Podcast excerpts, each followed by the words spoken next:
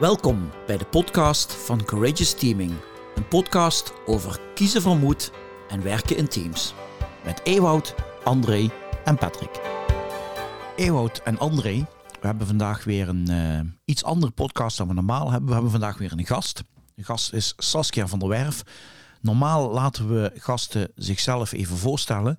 Maar ik zou eh, het leuk vinden als jullie eens zouden vertellen waarom jullie Saskia hebben uitgenodigd voor deze podcast. Saskia, we hebben jou leren kennen bij de Grote Denkers. Uh, een, een jaaropleiding die Eeuwert en ik volgen 40 weken lang filosofiecolleges. En jij was gastdocenten. Ja, drie of vier colleges nam je voor je rekening en je focuste hier op de Oosterse filosofie. En wat ik daar ervaarde is dat ik soms echt verwacht was. Ik hoorde jou dingen zeggen en ze kwamen neurologisch bij mij binnen, maar ik kon daar soms gewoon geen betekenis aan geven. En dat maakte mij, als ik zo verwacht raak op een goede manier, dan vind ik dat altijd een goed teken.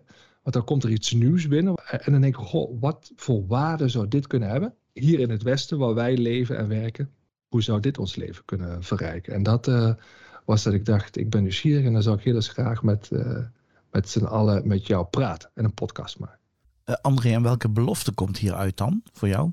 Ja, voor mij zou die belofte zijn hoe die verbazing van die andere manier van kijken, in dit geval Oosterse filosofie, hoe dat jou kan helpen hier in het Westen. Om op een andere manier naar dingen te kijken, misschien een beetje anders te leven of anders te werken. En dat het je ver, verrijkt daarmee, om het misschien sommige dingen eens anders te doen, waardoor het weer een beetje beter wordt. Mooi. Als ik daar iets aan mag toevoegen, wat mij fascineerde, ik heb met heel veel plezier en enthousiast naar die colleges zitten luisteren. En toen ik op je LinkedIn-profiel ging kijken, werd het voor mij helemaal interessant. Want toen zag ik eh, dat je bij KPMG gewerkt had als consultant. Ik zag dat je in de politiek gezeten had. En toen dacht ik, goh, dat vind ik interessant. Want ik zou dat niet direct matchen met die Oosterse filosofie. Maar misschien voordat we verder gaan, is het goed als jij nog even kort iets over jezelf vertelt. Zodat de luisteraar ook weet met wie we het genoegen hebben. Behalve hoe wij het tot nu toe ervaren. Ja, uh, nou, ik ben dus uh, Saskia van der Werf. Ik ben filosoof en ik word filosoof. De Chinese Oosterse filosofie is al heel vroeg in mijn leven ingetreden. Ik was een uh, jaar of vijftien toen ik op de middelbare school les kreeg van uh, uh, mijn leraar Latijn, die ook iets met filosofie deed. En het enige wat ik van mijn middelbare schooltijd bewaard heb, fysiek bewaard heb, is het schriftje van die filosofielessen. En af en toe kijk ik daar nog wel eens in terug en dan zie ik dat van dat schriftje helemaal volgeklad. De eerste paar pagina's gaat over westerse filosofie en de rest is oosterse filosofie. En het klinkt misschien heel erg naïef, dus ik dacht ook wel, oosterse filosofie is een heel belangrijk onderdeel van hoe wij denken en onze traditie. Ik heb het gevoel dat ik pas bij het filosoferen, ben pas op later leeftijd filosofie gaan studeren, dat dat een soort van bij mezelf thuiskomen was. Maar toch ook weer niet helemaal. Omdat ik toen ook ontdekte dat wat er op de academie aan filosofie gegeven wordt alleen maar westerse filosofie is. Gelukkig verandert de laatste tijd wel. Dat er steeds meer aandacht begint te komen dat er ook andere mensen op de wereld zijn die ook kunnen filosoferen. Maar dat op een hele andere manier doen. Wat niet binnen ons kader paste voor filosofie. En dat levert verwarring op. Dat zei je al hartstikke mooi, André. Dat het een, yeah. een, een opening geeft tot een bepaalde manier van denken. Die voor mij een gevoel van thuiskomen was. Maar voor heel veel andere mensen juist ontheemd voelen. Ewout zei het al, je hebt gewerkt voor KPMG. En dat maakt ons natuurlijk aan nieuwsgierig. Want dat is ook een wereld van nou, Ewout omschreef het eerder van de wereld van uh, zo is die nu, wat is de gewenste situatie en hoe gaan we daar in een rechte lijn naartoe en welke KPI's bedenken we daarbij. Ik ga even heel, god dit is niet goed voor onze, nee, ik ga heel kort door de bocht. maar... Het was nog erger. Nou, dat was ook het erg waar ik denk tegenop stuitte. Een belangrijk onderdeel van mijn werk was toen ook het controleren van bedrijven of ze deden wat ze zegden wat ze deden in de papieren werkelijkheid. En ik kom natuurlijk altijd achter door de manier waarop ik naar de wereld kijk en mensen ontmoet, kom ik er altijd achter dat het zo niet in elkaar zit. En omdat het toch mijn taak was om dat te doen, uh, gaf dat frictie in mezelf. Eerst even verder te gaan wat André net zei. Hè? Ook achter dat werk bij, bij KPMG wat je gedaan. Het zat een soort goede bedoeling. Iets wat je wilde betekenen, ook als bedrijf, neem ik aan, voor je klanten en voor je mensen. Om maar even het stapje te maken ook naar die Oosterse filosofie. Als je vanuit die goede bedoeling kijkt naar wat je graag zou, wat je ook in die tijd graag zou willen betekenen. Hoe zou je daar dan ook naar kunnen kijken? Misschien moet ik dan toch beginnen vanuit de westerse filosofie. Het denken vanuit de westerse filosofie is dat er uh, wat KPMG's in de wereld doen, maar ook certificeren, want ik was geen boekhouder, is dat je door de uitspraak die ik doe over wat ik aantref in een bedrijf, zekerheid geeft naar klanten die dat niet kunnen doen. Die niet dat inzicht in het bedrijf en niet achter de verborgen werkelijkheid kunnen kijken. Dus dat bouwen van zekerheid is ontzettend belangrijk, want het geeft een zeker fundament in onze samenleving waarop we vertrouwen kunnen geven aan elkaar dat het het goede is. En dat vond ik ontzettend belangrijk, want daar wil ik graag een bijdrage aan leveren aan dat op een vertrouwenswekkende manier met elkaar om kunnen gaan. Mhm. Mhm. En als je daar vanuit de Oosterse filosofie naar kijkt, dan is het eigenlijk onzinnig, omdat de werkelijkheid continu verandert. En op die manier zekerheden creëren, creëer je schijnzekerheid. En dat kan tot op een zeker moment goed zijn, maar als er iets gebeurt ja, waar we dus nu mee te maken hebben, coronacrisis, crisis uh, in uh, Oekraïne, de oorlog in Oekraïne, doorpatst het in één keer al je, al je zekerheden. En dan moet je je weer opnieuw, lijkt het uit te vinden. Maar Saskia, daar volgens mij kom je op de eerste spanning terecht. Hè? In de westerse, zeker bedrijven die wij kennen, zoekt men voorspelbaarheid. Je gaat naar een directie toe, naar een raad van bestuur toe. Je zegt wat je plan is. Je onderbouwt dat plan. Je wordt daarop gechallenged, zoals dat heet, en getoetst. En als je dan niet doet wat je gezegd hebt, dan heb je daar hele ongemakkelijke gesprekken over. Dus er zit een voorspelbaarheid, gedachte achter. En ook uh, zelfs een moraliteit, denk ik. Hè? Want als ik niet lever wat ik toegezegd heb, ja, dan ben ik onbetrouwbaar. Ja. En nu als ik even doorsla vanuit dat oost, wat jij net introduceerde, vanuit de oostfeer, zeg ik, ja, ik, ik kan gewoon lekker een beetje aankloten. Uh, ja, vandaag is de wereld echt heel anders. Hadden we allemaal niet kunnen voorzien. Dus ja, ik, ik ga het gewoon nu even weer heel anders doen. Dat snappen jullie toch ook wel? Ja. ja, en dan is natuurlijk de vraag, want dat zeg je geheel terecht. Waar baseer je je vertrouwen dan wel op in de samenwerking? Mhm. Als je je leven, eh, je hele cultuur doordrongen is van het gegeven dat de werkelijkheid continu verandert. Dat wil niet zeggen dat een menselijke verlangen naar zekerheid, voorspelbaarheid, dat ik denk dat dat over de wereld heen alle mensen dat ervaren, dat dat onzekerheid en angst oplevert en dat alle mensen wegen vinden om daarmee om te gaan. Alleen dat de wegen die gevonden worden wel heel anders zijn. Als je dus ervan uitgaat dat er niet zo'n fundament is, zo'n eeuwig onveranderlijk fundament waar je waarheid aan kan ontlenen vanuit het westerse denken, maar dat de werkelijkheid continu veranderlijk is, dan ga je op zoek naar andere elementen in het leven waar je dat vertrouwen wel op kan baseren. En daar zorg je dan voor dat dat een zekere voorspelbaarheid met zich meebrengt. En als je dan de, de link legt naar de Chinese denken. In de hedendaagse denken in China is vooral het Confucianisme erg uh, populair, is heel erg in opkomst. En wat hij zei is dat je moet leren vertrouwen op de relaties die je aangaat met mensen. Hij heeft daarover nagedacht en hij heeft de sociale wereld heeft hij onderverdeeld in verschillende relaties. En aan die relaties worden bepaalde verwachtingen gehangen. En je oefent jezelf in het aangaan van een relatie door middel van rituelen. En dan begin je al heel vroeg als kind mee, hoe je je verhoudt tot je ouders. Die relatie, die rituelen die daarom om, omgeven zijn, die zeggen heel veel hoe je later met je baas omgaat. Hoe je later met je geliefde omgaat. En met je koning, minister, heersers, de mensen die het voor het zeggen hebben, mensen die de macht in handen hebben. Kun je daar eens een voorbeeld van geven? Dus je zegt, vertrouwen op de relaties die je opbouwt en de rituelen die je daarbij gebruikt zijn hartstikke belangrijk. Dus als ik dat nou eens even betrek op uh, kind, ouder of op twee partners, hè? Ja. Kun, kun, je dat eens proberen te concretiseren? Hoe je bijvoorbeeld elkaar s ochtends begroet. Ik weet niet hoe jij je kinderen begroet. En dan moet ik, misschien ga ik nu een beetje, weet ik hoe Chinezen hun kinderen begroeten. Daar zit meer ritueel omheen, dat het een soort vaste patroon heeft hoe je elkaar s ochtends begroet, maar ook wat je wel en niet, de eerbied, het respect wat je toont. En ook hoe je je vader en je moeder aanspreekt. Je weet dat ons werkveld zich vaak bevindt in nou, bedrijfsleven, wat grotere organisaties.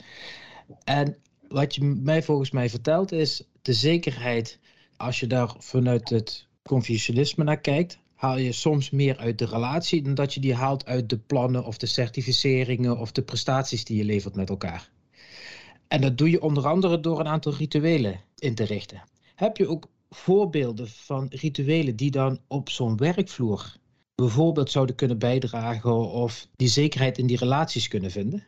Uh, nou, misschien moet ik vanuit mijn eigen ervaring praten. Dat ik in mijn KPMG-tijd, dat ik in een bedrijf kwam wat gekocht was door Chinezen. En dat de manier waarop je, uit, uit gesprek vond ook plaats met een Chinees, die toehoorde. Alleen de manier waarop deze persoon, die zette zich op een bepaalde manier buiten het gesprek. En ik merkte ook dat, dat vroeg ik ook aan ze van hoe is deze persoon te benaderen. En die zeiden dat gaat op een hele formele manier. Je kan niet zomaar eventjes binnenlopen. Dat gaat veel meer uh, dat er een juiste tijd moet zijn om die persoon te kunnen benaderen. Alleen het is niet altijd wanneer het de juiste tijd is. Dus dat creëerde heel veel onzekerheid bij hun hoe ze hmm. met die personen om moeten gaan.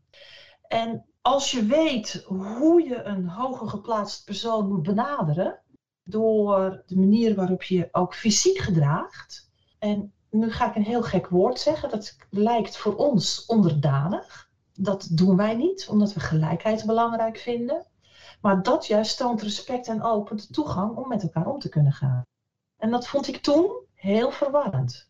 Ja, ik ben nu even de luisteraar die in een bedrijf of bij een overheidsorganisatie werkt. En, en die krijgt nu het beeld. Dus ik ga straks zeg maar een beetje Japans of Chinees. Hè, kom ik de directeur tegen en dan ga ik knikken en, respect betonen. En, en dus hiërarchie.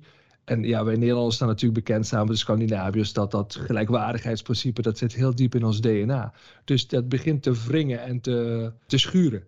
Zo van ja, dat past helemaal niet bij ons. En toch, als ik nieuwsgierig ben, zou ik jou vragen: hoe kan ons dat helpen om zeg maar op een andere manier met elkaar om te gaan en dat dat, dat ook heel plezier of effectiviteit kan geven? Ja, nou ik denk dat het belangrijkste is, is de manier waarop we gaan met het wel of niet gescheiden zijn van privé. Het is vanuit het Chinese denken veel meer van je hebt een bepaalde rol, leidinggevende of degene die leiding ontvangt die rol die bestaat op het moment dat je daar bent. Maar op het moment dat je in een andere situatie zit, als je vrienden bent met elkaar, maar dat is de omstandigheid, is dan ook heel anders. Dus wat dan ook belangrijk is, is dat je ook met elkaar uit eten gaat of andere informele. Dus niet, ik vind je aardig en dan, ik denk dat wij vrienden kunnen worden en dan ga ik je opzoeken. Maar nee, we hebben ook een vriendschappelijke relatie met elkaar, die is er ook. Mhm. Alleen die rol moet wel op het juiste moment gedaan worden. En dat is niet op een moment dat je in een zakelijke context zit. Dan spreek je dat vriendschappelijke niet aan. Terwijl je die vermenging op het werk wel in het westerse wel hebt. Dus die relaties waar jij het over hebt, als zeg maar zekerheidsbiedend in een samenwerking, die hebben allerlei verschillende karakters kunnen die hebben. En daar dus ook verschillende rituelen die daarbij horen. Zeker, ja. En dan is het niet zozeer, ik moet een zekere zekerheid creëren in mijn karakter. Je moet juist zekerheid creëren in de variatie van een aantal rollen wat je kan aannemen. En beseffen wanneer welke rol op zijn plek is. Klinkt inderdaad als situationeel. Ja. Is het privé, is het zakelijk? En rollen. Je vervult verschillende rollen en je wisselt de rollen. En dan is het natuurlijk even een westerse vraag. Waarom zouden wij dat doen? Wat zou ons dat brengen? Je stelt volgens mij twee vragen. Waarom zouden we het doen en wanneer? Als ik eerst ga op die wanneer zou je dat doen? Ik denk dat het zo in elkaar zit dat op het moment dat je iets merkt dat iets niet meer werkt, voor jou of voor de samenwerking, dat iets niet meer werkt, dat je dan met elkaar gaat zitten van hé, hey, wat is er aan de hand? En kan dat ook anders? Dus als het gewoon werkt, dan is er geen waarom. Dan lijkt het gewoon goed te gaan. Totdat er iets verandert. En dan is het natuurlijk de vraag, hoe goed ben je in staat om dat wat continu verandert buiten de deur te houden? Hou je je daar dan mee niet voor de gek? Maar als het werkt, dan, natuurlijk, dan verander je toch helemaal niks. Dus dat heeft twee elementen in zich. Hoe, laat je buiten toe? Waarom zou je buiten toelaten?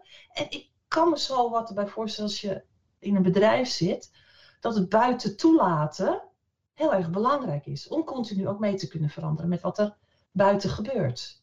En misschien ook wel realiseren dat, dat de grens tussen binnen en buiten, dat dat misschien ook al een schijnzekerheid is. Van het hebben we een goede cultuur hier binnen met elkaar. Maar Saskia, nog heel even terug naar je introductie. Hè? Wat maakte dat jij zei, ik ben filosoof en ik word filosoof? Ja, als ik zeg ik ben filosoof, dan zeg ik wat over het moment van nu.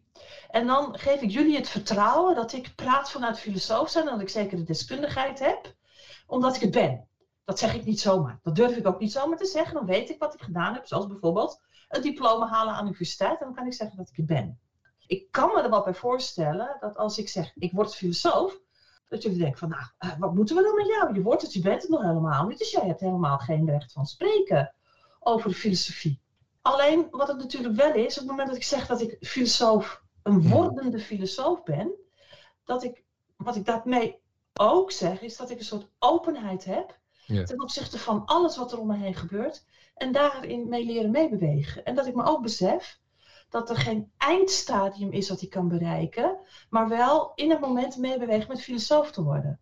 In dat zinnetje combineer je dus eigenlijk die twee inzichten van het westerse en het oosten die je net tegen ons zei. Dat eerste creëert een soort zekerheid van kijk, ik heb een certificaat en het geeft jullie zekerheid dat je echt met iemand spreekt die verstand van zaken heeft. En tegelijkertijd geeft het tweede deel van je zinnetje aan. Maar ja, ik ben ook continu in verandering en de wereld ook. En ik, en ik uh, ben daar steeds lerend in en groeiende. Ja. ja. Doet mij een beetje denken aan uh, ethos. Dat je in onze wereld hebt bij je ethos als je zegt wie je bent. Maar in de filosofische wereld is het misschien wel meer ethos dat je ergens naar onderweg bent. Dat zeg je ook wel heel erg mooi, want je bent onderweg. En dat is ook de opdracht van de Oosterse filosofie. En die Oosterse filosofen inzicht creëren in hoe je die weg zo goed mogelijk kan bewandelen. En niet dat dat geluk wat aan het eind van de regenboog ligt, maar dat het geluk zit in de manier waarop je die weg bewandelt. Met elkaar. Je gebruikt Oosterse filosofie en China, zeg maar, een beetje door elkaar heen. Dan werk ik voor een Japans bedrijf. Is er nou nog verschil? Ja, ja dat is net zo, net zo misvattend als je zegt het westerse denken. Alsof alle mensen in het westen hetzelfde denken en het oosten het oosterse denken. Maar geheel terecht dat wat wij normaal gesproken associëren met het oosten Azië, dan zou ik niet zeggen dat die allemaal op dezelfde manier denken. Je zou kunnen zeggen dat er groepen zijn waarin bepaalde patronen van denken herkenbaar zijn, meer dominant naar voren komen. En dan zou je China, Korea en Japan met elkaar kunnen vergelijken. En dan het gebied van aan de linkerkant van China, India, spreekt ze ook een andere soort van taal, waarin het zich uit dat het ook een andere manier van denken met zich meebrengt. Dus het oosten is niet onder één noemer van denken te vatten. En ik... concentreer nu inderdaad op uh, meer het Chinese denken omdat ik denk ook dat wereldmacht China, wereldmacht India wat minder, maar voor ons ook heel erg belangrijk is in onze hedendaagse wereld, ook heel erg beïnvloedt. Saskia, in deze podcast hebben wij het heel vaak over moed. Hoe kijkt die Oosterse filosofie aan tegen moed en hebben ze daar misschien ook wat praktische tips voor? Ja, nou, gelukkig heeft Zwangt een stappenplan en daar houden wij van. Dat maakt het concreet. Het begint met rust te nemen om met je rationele vermogens, om te analyseren wat er nou precies aan de hand is. Wat is het moment van het nu? En het is interessant, want dat is ook mijn eerste liefde met de, met de Chinese filosofie geweest kan zijn door een wijsheidsboek zoals de I Ching te raadplegen. En als je dat vaker doet, dan oefen je een bepaalde sensitiviteit voor de omstandigheden. Open, ontvankelijk zijn voor alles wat er gebeurt en alles toe te laten. En ook dat wat je denkt wat kwaad is, ook in je analyse mee te nemen. Goed begrijpen wat de situatie is. En dan vervolgens kan je hopelijk een onderscheid maken wat binnen jouw persoonlijke vermogen ligt om uh, wat mee te doen of niet. En te accepteren dat eigenlijk heel veel buiten je macht ligt. En ook accepteren dat dat onzekerheid met zich meebrengt. En daar zonder angst die onzekerheid te, tegemoet te gaan. En dat zou je een houding kunnen noemen. Die is tweeërlei. Vrij proberen te zijn van angst. Dat is een mentale toestand waarin je rustig de onzekerheid tegemoet kan treden. En er rekening mee te houden dat het kan gebeuren, maar ook rekening mee te houden dat het niet kan gebeuren. Daar je besluiten over nemen. Elk moment weer. Dus dat kan vandaag, over, over tien minuten kan het alweer anders uitpakken, dat besluit. En deelnemen aan het leven, zonder dat je je zoveel af laat leiden om die bezorgdheid die het leven met zich meebrengt. Je laten beïnvloeden door je emoties. En wanneer het terecht is en wanneer het onterecht is. Het stappenplan. Analyseren van de situatie. Accepteren als het buiten je macht ligt. En deelnemen aan het leven en genieten van kleine dingen. Eigenlijk een houding van vrij van angst. Vrij van angst, maar ook deelnemen aan het leven met die angst. Ja. Dat ik continu daar de balans in zien te vinden.